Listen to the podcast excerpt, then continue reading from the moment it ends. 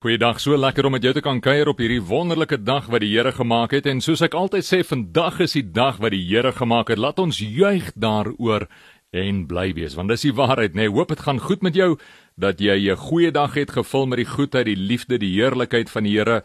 En dalk sê my Charles, weet jy wat? Nee, wat my dag loop nie so vlot nie. Soos ek nou ook oor my tong val hier, so my dag verloop nie so vlot nie, my week verloop nie so vlot nie, my lewe voel nie vir my of dit so vlot verloop nie. Is dit dalk jy? Is dit dalk die situasie waarin jy jouself bevind? Wel, ek moet vir jou sê dat alhoewel ek nie jou situasie presies kan verstaan nie, kan ek daas daarmee assosieer want elkeen van ons as mense gaan deur soortgelyke ervarings, nê? Nee, is dit nie waar nie? Petrus skryf ook mos elders, hy sê uh aan die broers wat versprei is reg oor die wêreld van Asië in daardie tyd skryf hy in die boek van Petrus. Hy sê moenie moed verloor nie want julle broers en susters wat almal gelowiges is, gaan deur dieselfde selfde uitdagings, dieselfde probleme, dieselfde verdrukking. En net so in daardie opsig alhoewel ons nie presies kan sê dat ons weet wat in mekaar se lewens aangaan. Nie kan ek vir jou sê onomwonde weet ek dat daar een is wat weet. Daar is een wat waaragtig soewerein almagtig is en wat weet wat in jou lewe ingaan aangaan. En daardie God is die God wat ons ontbid. Daardie ene wat sê dat niks vir hom verberg is nie. Alles is oop en naak voor hom soos Hebreërs 4 vers 13 sê. Hy kan alles sien. En hy sê dit nie vanuit 'n veroordelende oogpunt weer eens nie. Hy sê dit vanuit 'n liefdevolle vaderhart oog oogpunt wat sê my kind ek sien wat in jou lewe aangaan ek sien waardeur jy gaan ek sien die foute wat jy gemaak het ek sien dit en ek vergewe dit ek vergewe jou aanvaar my vergifnis. Staan op uit die stof uit. Skud jou knieë af en gaan vorentoe.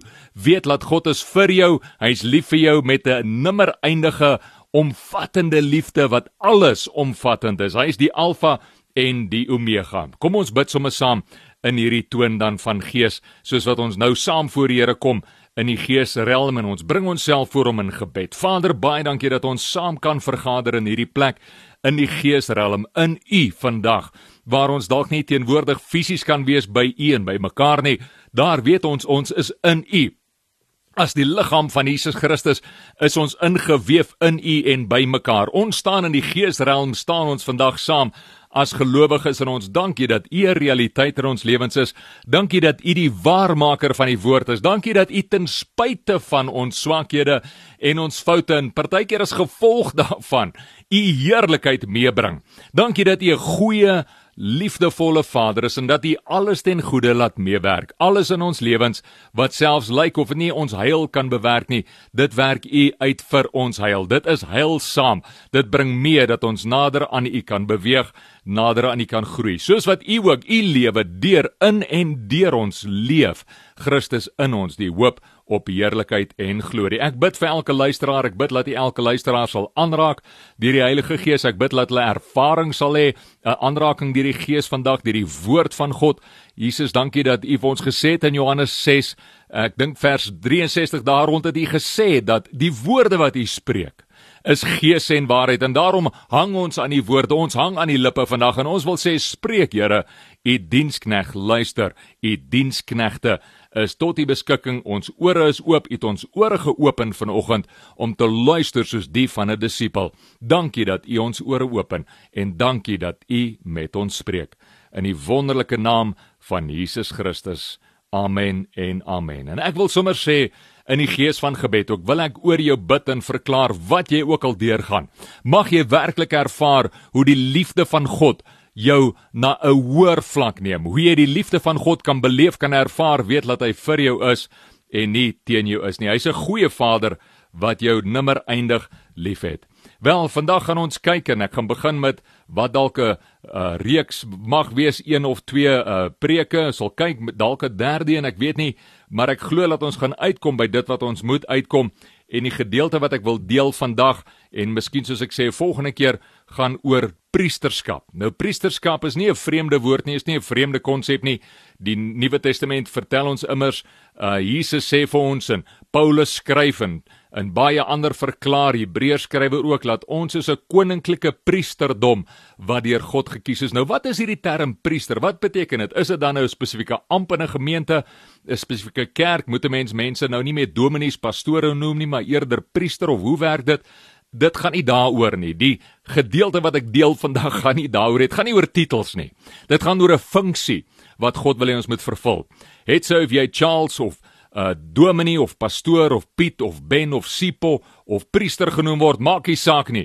Dit gaan oor wie jy is in Christus en jou roeping as 'n heilige priesterdom, as 'n koninklike priesterdom. God het ons geroep as koninklike priesters, as 'n heilige priesterdom. Dit is wat die woord vir ons baie baie duidelik sê en ons sal nog uitkom by al daardie gedeeltes, maar kom ons begin hier vandag en ek lees vir ons hier vanuit Hebreërs of eerder Deuteronomium 9 Deuteronomium 9 wat so toepaslik is oor die lewe van 'n priester. En wat ons gaan doen is ons gaan bietjie kyk na die lewe van Moses, hoe hy as 'n priester opgetree het en deur dit dan soos ek sê, glo ek gaan ons vorentoe beweeg en ek wil jou nooi op hierdie ontdekkingsreis saam met my om saam met my uit die woord uit ontdek wat die Here vir ons sê oor priesterdom, oor Jesus Christus selfs ons hoë priester na wie ons enige tyd toe kan kom, maak nie saak wat ons aangevang het nie.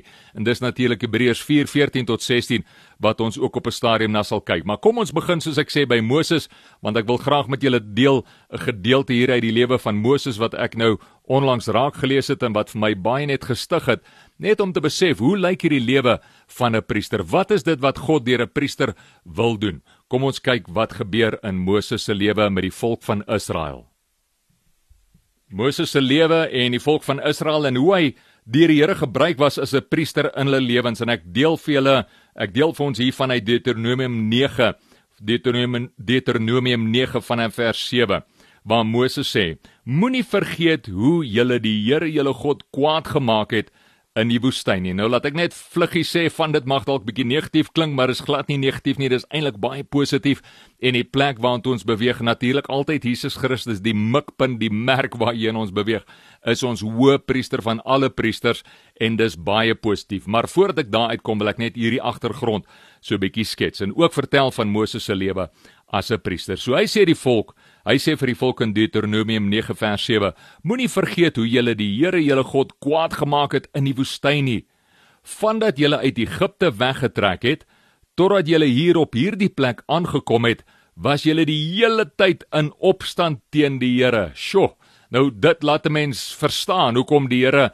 uh almal van hulle eintlik in die woestyn uitgedelg het nê nee, want hulle was in opstand teen God gewees. Hulle was weer barstig teenoor die Here gewees.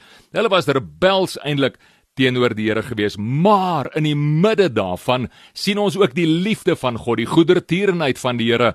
Ons sien ook Moses as 'n voorbeeld van 'n priester en hoe die Here hom oprig en gebruik om verlossing aan die volk te bring. Nie net om hulle uit te lei uit Egipte nie, nee, maar hoe die Here hom ook gebruik om verlossing tot die volk te bring en jy sal binnekort sien hoe daardie priesterskap dit self manifesteer, hoe daardie priesterskap tevore kom. Vers 8 By Horeb het julle gemaak dat die toorn van die Here ontvlam en hy het so kwaad geword vir julle dat hy julle wou uitroei. Dit is hoe kwaad die Here was. Ja, God word kwaad.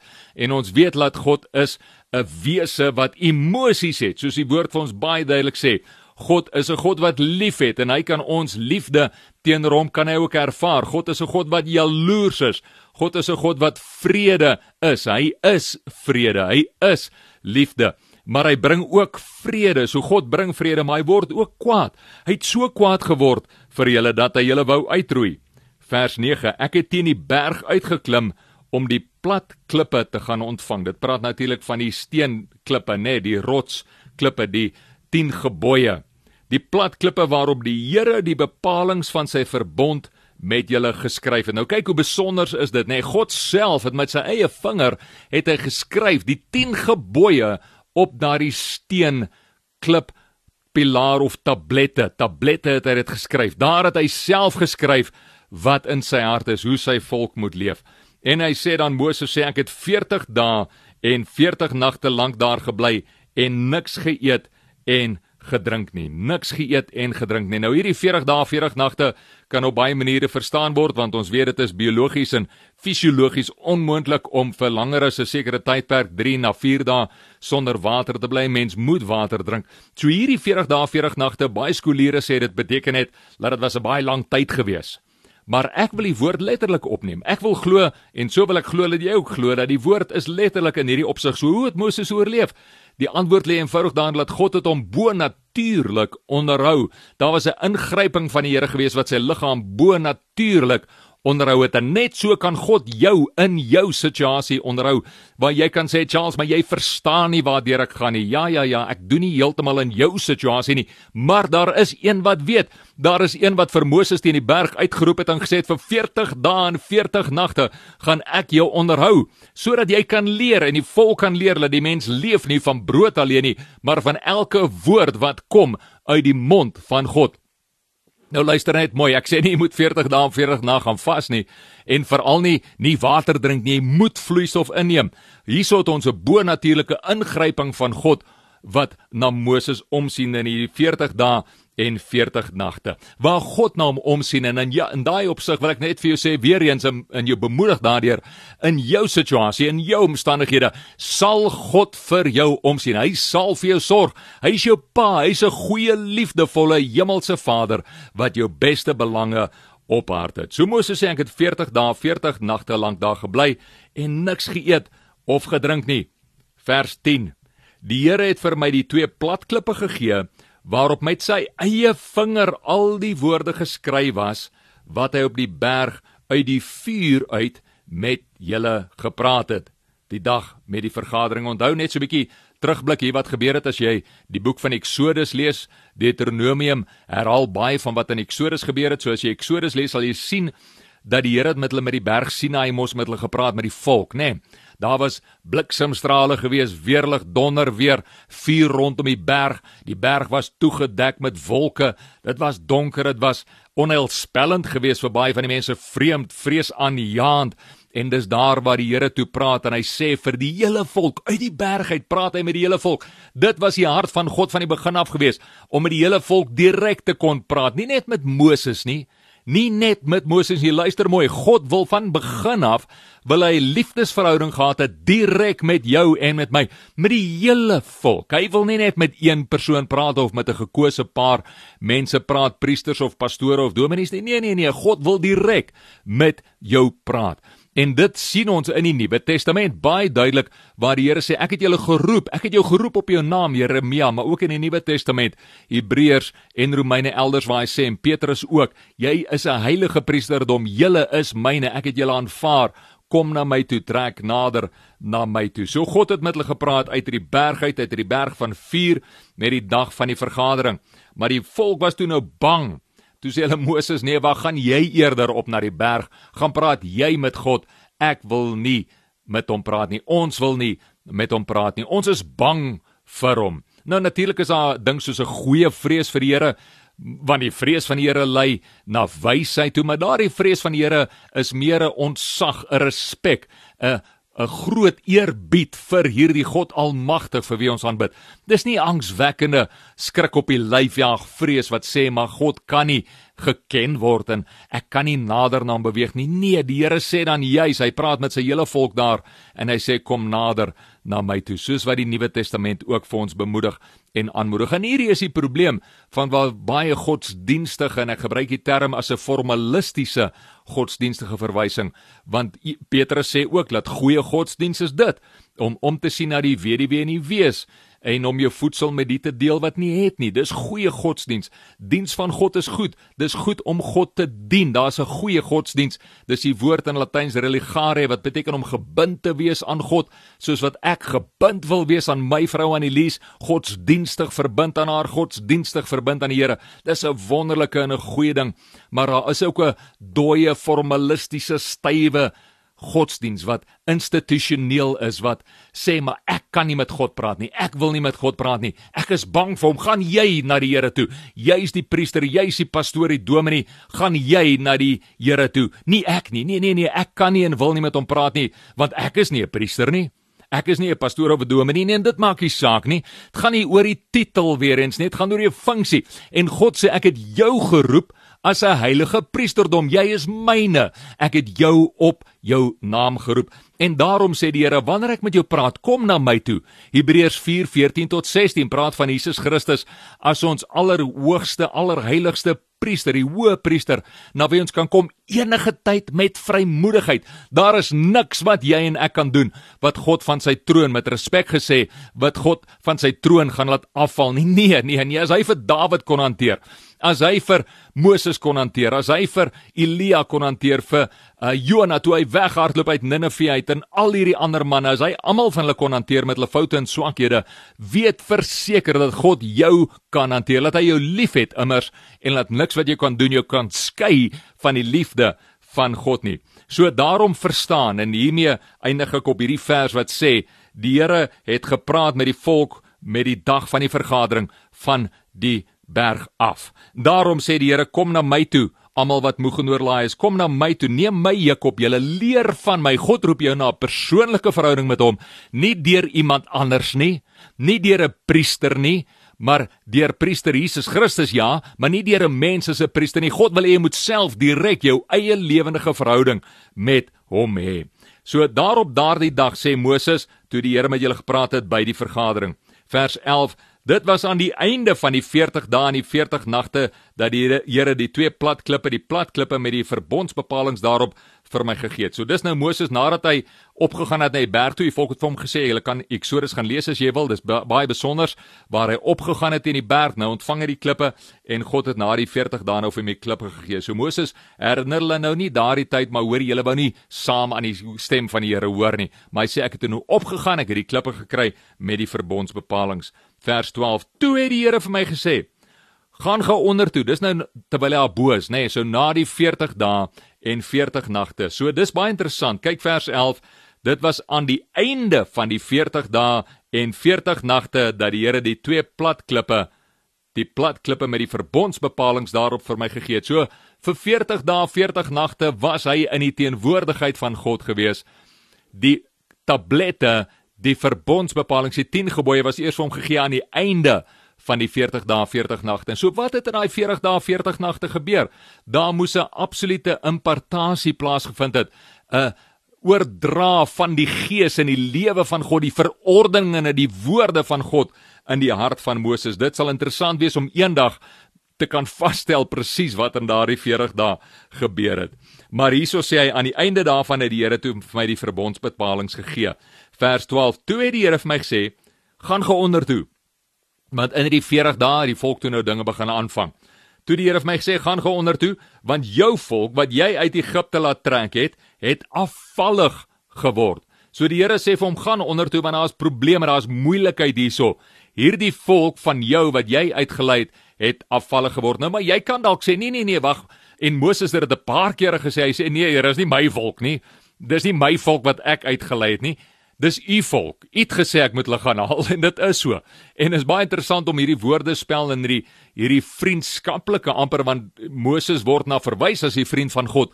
Hierdie vriendskaplike amper uh interaksie tussen God en Moses dop te hou deur die boek van Eksodus, Numeri en Deuteronomium waar die Here baie keer vir Moses sê ja, maar is jou mense en dan sê Moses nee nee, dis u mense, dis nie my mense nie. Maar waar die Here in die punt hierso en dit is waarop ek wil afstuur. Die punt hierso is waar die Here sê ja, dis ek wat hulle geroep het. Ja, dis ek wat jou gebruik het, maar dis jou mense. God gebruik 'n man. God gebruik altyd 'n man. En dis wat die boek van Numeri ook vir ons leer eh, is is dat die Here kies altyd 'n man. God kies 'n man en hy stel 'n man aan oor 'n gemeente. Hy stel 'n man aan oor 'n familie. Daarom hoekom die boodskap van priesterskap en vaderskap self so belangrik is om te weet dat God kies om 'n man aan te stel oor 'n gemeente, oor 'n familie, eerstens familie, eerstens familie en dan oor 'n gemeente en dan oor 'n groep gemeente selfs dalk en dan oor 'n stad of oor 'n land en daardie man verwys ons na as die man wat geset is deur God die set man die man wat geset is wat aangestel is deur God in 'n posisie en 'n plek. So die Here sê vir hom hier vir Moses en daardie set man kan julle gaan kyk die beginsel daar as ek nou my plek reg onthou is nommer 23 wat daarvan praat waar die Here self stel 'n man oor die gemeente. En ons sien dit natuurlik in ons families nê. Nee, dis hoe God werk. Dis 'n natuurlike verskynsel. God plaas 'n pa in 'n familie 'n vader 'n man. 'n boodskap wat deesdae baie aangeval word. Ongelukkig 'n kultuur in hierdie wêreld wat ongelukkig die beeld van vaderskap en paas en mans probeer afbreek. Maar dit moet staande bly want die Here God Almagtig self is die een wat die man as die hoof aangestel het. En dis 'n gesprek vir 'n ander dag. Iets wat ons nie nou hoef te kyk vanuit 'n masochistiese of feministiese oogpunt nie maar vanuit 'n skriftuurlike oogpunt. Wat sê die woord van God rondom dit? Die feit is God het mans aangestel met 'n sekere kapasiteit 'n sekere vermoë om die lading te kan dra, die las te kan dra en ook 'n sekere vermoë om in die las van Jesus Christus te kan intap. Matteus 11:28 tot 30 waar Jesus mos sê kom na my toe. So 'n man, 'n vader na die hart van God, 'n priester leer hom vir sy natuurlike familie, geestelike familie ook, maar ook gemeente dan verder te kan sorg, te kan lief hê en die setman te kan wees. Die ene wat God kies, die ene waardeur God werk, die een wat sê alhoewel dit my mense is, is dit jou mense want ek het jou geroep en daardie is die eerste punt van verantwoordelikheid wat ons van moet kennis neem rondom priesterskap. Die besef dat God roep 'n priester vir jou en vir my in jou situasie met jou natuurlike familie, met jou vrou, met jou kinders, met jou ouers, met jou uh vriende, familie, waar ook al jy invloed het, God roep jou om as 'n priester op te tree. Nie noodwendig soos wat die woord ook vir ons aanmaan om nie te doen nie, nie om noodwendig oor hulle te heers nie. Nee, nee, nee, nee. 'n Priester heers nie oor mense nie. Dit gaan nie daaroor nie. Dit gaan daaroor om te sê ek neem 'n verantwoordelikheid op in die geestelike realm as te ware neem ek 'n verantwoordelikheid op.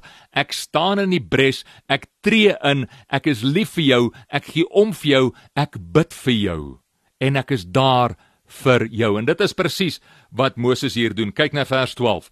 Toe die Here vir my gesê gaan gaan onder toe want jou volk wat jy uit Egipte laat trek het, het afvallig geword. Hulle het baie gou weggedraai van die koers af wat ek vir hulle aangewys het en hulle het vir hulle 'n afgodsbeeld gegiet. Nou hierdie koers wat God vir hulle aangewys het, dit was by die berg toe hy met hulle gepraat het. Dis by die berg toe hy met die hele volk gepraat het. Gaan lees gerus Eksodus waar die Here met die hele volk gepraat het. Daai koers het hulle vanaf afgewyk weggewyk en 'n afgodsbeeld gemaak. Nou, dis amper half komies as jy gaan kyk en lees in Eksodus die verhaal natuurlik van wat gebeur het um met met die volk wat aandring op hierdie afgodsbeeld op hierdie goue kalf en Aaron is amper half komies waar uh toe Moses afgekom met die Eksodus uh verhaal daarvan sê toe hy afgekom het en vir Aaron vra nou wat nou wat het nou gebeur Toe sê Aaron nee nee nee die mense het net die goud gebring en toe gooi ek dit in die vuur en woep daar kom die kalf uit. nou weet nie vir jou nie maar vir my is dit baie komies maar die sleg daarvan is Aaron wat gekies was eintlik ook as priester om in te tree vir die mense om die integriteit van die mense die aanbidding van God die woord van God te moes bewaar en moes seker maak dat die volk daarin wandel hierdie selfde Aaron het die groot fout gemaak onder onder die vrees van mense 'n kompromie aan te gaan om onder die vrees van mense na die mense te luister en dis een van die goed wat 'n priester nie mag doen nie. Weereens nie titel ding nie, dis 'n funksie. Daar waar jy met jou familie werk, met jou vriende werk as 'n priester, het jy die verantwoordelikheid om die sout en die lig wat in jou is deur te dra en dit nie af te water nie, maar in groot liefde vanuit 'n plek van diensbaarheid en nederigheid en groot liefde aan ander voorthou. So hier gaan Moses toe nou af vers 13. Die Here het verder vir my gesê, ek het gesien dat dit 'n hardkoppige volk is. Nou ek is die eerste een wat my hand kan opsteek hier en sê dat ek weet ek kan baie keer ook hardkoppig wees. Nou dis 'n ding wat baie keer eie kan wees aan ons Afrikaanse volkie, Afrikaner volkie, miskien nie jy nie, dalk nie jy nie, dalk iemand anders, maar ek wil vir jou sê As daar enige hardkoppigheid is, deel daarmee. Hardkoppigheid hardkoppigheid bring 'n mens nêrens in die lewe nie. En ek kan praat van ervaring soos die Engelse sê been there done that got the t-shirts. Ek weet watter groot ewel dit is om hardkoppig te wees en hoe dit in jou lewe net vir jou en ander eintlik groot ongelukkigheid kan meebring. Die psalmdigter waar God dan praat met die psalmdigter en Dawid uit daai geesheid van dit wat die Here praat, praat hy en hy sê hy skryf in Psalm 32 vers 8. Hy sê moenie hardkoppig wees soos 'n donkie nie. Nee nee nee, luister wat ek weer wil sê. Die Here sê ek hou my oog op jou, luister vir my stem. Luister vir my stem in jou hart. Luister wat my plan en wil is vir jou lewe. Jesaja 1 vers 19 wat sê as jy gewillig en gehoorsaam is, dan sal jy die goeie van die land eet. Maar as jy weer barstig en hardkoppig en rebels is, dan sal jy deur die swaard vernietig word. God se hart is hy weerstaan die hoogmoediges want hy kan nie met hoogmoediges gemeenskap hê nie want God is nie hoogmoedig nie. Onthou ek het net gepraat van die emosies van God nê. God is liefde, God is vrede, God is goedertierenheid. God is al hierdie wonderlike goeie aspekte. Daar's geen hoogmoed in God nie. Daar's geen leen, leentaal in God nie. Daar's geen hardkoppigheid in God nie. Hy kan nie gemeenskap hê met enigiets wat nie God is nie. So hy het gemeenskap met ons tot 'n mate ja, en sy liefde buig hy neer na ons en dis wat ons genade noem. En Hebreërs 4:14 tot 16 sê gaan enige tyd na die genade troon absoluut 100%. Maar die volheid van die intensiteit wat God jou na toe roep in terme van verhouding, daardie meer volkomme plek van verhouding, daardie plek van hemel op aarde is wanneer ons die Christus wat in ons woon ontdek, want Christus in ons is die hoop op glorie, sê Kolossense 1 vers 27, wanneer ons hom ontdek en leef vanuit daardie dimensie waar ons soos Filippense 2:12 en 13 sê, ons eie heil, dis dan nou Christus in ons. Christus is ons heilig heilig uh, maker, nê, nee, ons heil, ons verlosser ons heiland, nê, nee, die mooi ou Afrikaans, die heiland, die saligmaker, wanneer ons hom die heil in ons uitwerk, die Christus lewe in ons uitwerk en God wat dan met daardie Christus konnekteer en gemeenskap het. So die punt is, God kan nie gemeenskap hê met 'n hardkappige hardkoppige partykeer moet jy hardkoppige hardkappige volk kap, nê. Nee. Dis die enigste manier die woord moet partykeer kom soos 'n hamer en hom kap, nê. Nee. En ontslaa raak van daardie hardkoppigheid. God kan nie met haar koppige volk gemeenskap hê nie. Vers 14: Jy moet nie sê die Here vir Moses, hierdie is angswekkend of nie angswekkend nie, vreesaanjaend eerder is die regte woord. Bring die vrees van die Here by my. Waar die Here sê jy moet my nie probeer keer nie. Moses moet my nie probeer keer nie. Ek wil hulle uitwis en hulle naam van die aarde af wegvee. Dit is hoe kwaad die Here is. Dan sal ek jou, jou Moses, dan sal ek jou 'n sterk nasie maak, groter as hulle. God sê ek is so kwaad vir hulle, ek wil hulle uitvat, totaal en al uitvat, hulle uitwis. Maar nou sê hy ook vir Moses, ek is so ernstig hieroor, moet my nie keer nie. Nou luister hier na die hart van Moses. Luister hier na die hart van 'n priester wat instaan, wat omgee, wat bid. Vers 15. Toe het ek omgedraai en terwyl die berg gebrand het, het ek afgegaan met die twee klippe van die verbond in my hande. Ek het gesien hoe julle teen die Here, julle God gesondig het deurdat julle vir julle beeld in die vorm van 'n bulkalf gemaak het. Julle het baie gou weggedraai van die koers af wat die Here vir julle aangewys het. Ek het die twee plat klippe wat ek in my hand gehad het, flenters gegooi in julle teenwoordigheid. Dit is hoe kwaad Moses nou is. Want hoe kan hierdie volk so die Here hulle God versaak in 40 dae? Hulle kan nie vir 40 dae vashou aan die Here nie. Hulle kan nie vir 40 dae getrou bly aan die Here nie. So net soos hy die woede en die toorn van die Here, maar ook die van Moses en nou gooi hy die klippe flenters en hy gaan op teen hierdie berg en ek kan hom net sien met groot bravade en met woede opstap teen hierdie berg. Maar luister hier vers 18. Daarna het ek soos die eerste keer 40 dae en 40 nagte lank voor die Here gelê en gebid. Ek het niks geëet en gedrink nie oor die groot sonde wat julle gedoen het. Julle het gedoen wat verkeerd is in die oë van die Here en hom uitgetart. Ek was bang want die toorn die grans gramskap van die Here het so teen julle ontvlam dat hy julle wou uitroei. Maar ook hierdie keer het die Here na my geluister. Wat 'n besondere wete om te weet dat God 'n priester roep, nie net in Moses nie, nie net in Jesus Christus nie, maar vir jou ook. En ek wil vir jou sê in jou situasie en jou lewe, Dalk is daar goeders wat jy doen wat jouself teleurstel, maar dalk is daar goed wat ander mense doen wat jou teleurstel, maar hierdie is die roeping van priesterskap vir jou, vir my, vir almal van ons wat geroep is as 'n heilige priesterskap, as 'n heilige priesterdom om voor die Here te lê as dit nodig is 40 dae, 40 nagte in te tree vir ander, lief te wees vir ander, die lewe, die liefde van God te deel en die vergifnis wat daar is deur Jesus Christus af te bid as te ware op ander. En mag jy dit ervaar en beleef en soos wat ons volgende keer bietjie verder ook gaan rondom hierdie priesterskap. Mag dit vir jou ontvou uit die woord uit. Mag jy jou identiteit in God vind deur Christus Jesus. Nie net so seun van God nie wat belangrik is, maar ook as 'n priester van God geroep deur Jesus Christus om verander in te tree. Kom ons bid saam. Vader, baie dankie vir u woord. Dankie vir u goedheid, u guns, u genade en liefde. En ek wil bid vir elke luisteraar. Ek wil bid dat u hulle sal ontmoet as priester en profeet, as koning, as verlosser, as die een wat die liefhebber is van hulle siele. Mag hulle u ervaar, mag hulle u liefde ervaar. Vader, vergewe hulle sondes. Ek spreek vergifnis oor elke sonde wat gepleeg was. Here, en dankie dat ek dit kan doen in vrymoedigheid deur die bloed van Jesus Christus wat ons reeds vergewe het. En so verklaar ek oor elke luisteraar vandag, jy is vergewe deur die bloed van Jesus Christus. As jy daardie vergifnis ontvang en aanvaar as jou eie, sê die woord van God, jy is vergewe en vrygespreek. Ek bid vrede oor elke luisteraar en ek bid die goedheid en guns van die Here oor elkeen in die naam van Jesus Christus. Amen. Sterkte, vrede, voorspoed vir jou tot 'n volgende keer. Mag jy vas staan en jy weet dat God jou liefhet met 'n diep en 'n innige nimmer eindige liefde en dat niks wat jy kan doen jou kan skei van die liefde van God nie. Sterkte en voorspoed tot 'n volgende keer.